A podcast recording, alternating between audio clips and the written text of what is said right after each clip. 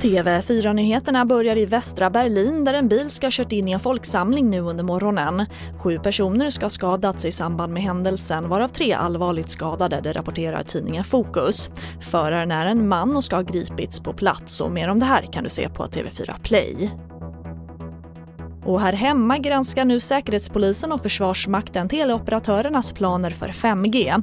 Den nya tekniken ska göra internet betydligt snabbare men innebär också risker om vi inte skyddar kommunikationsnätet så kan det bli allvarliga konsekvenser för Sverige eh, om en brist eller en svaghet utnyttjas av främmande makt för att till exempel bedriva säkerhetshotande verksamhet.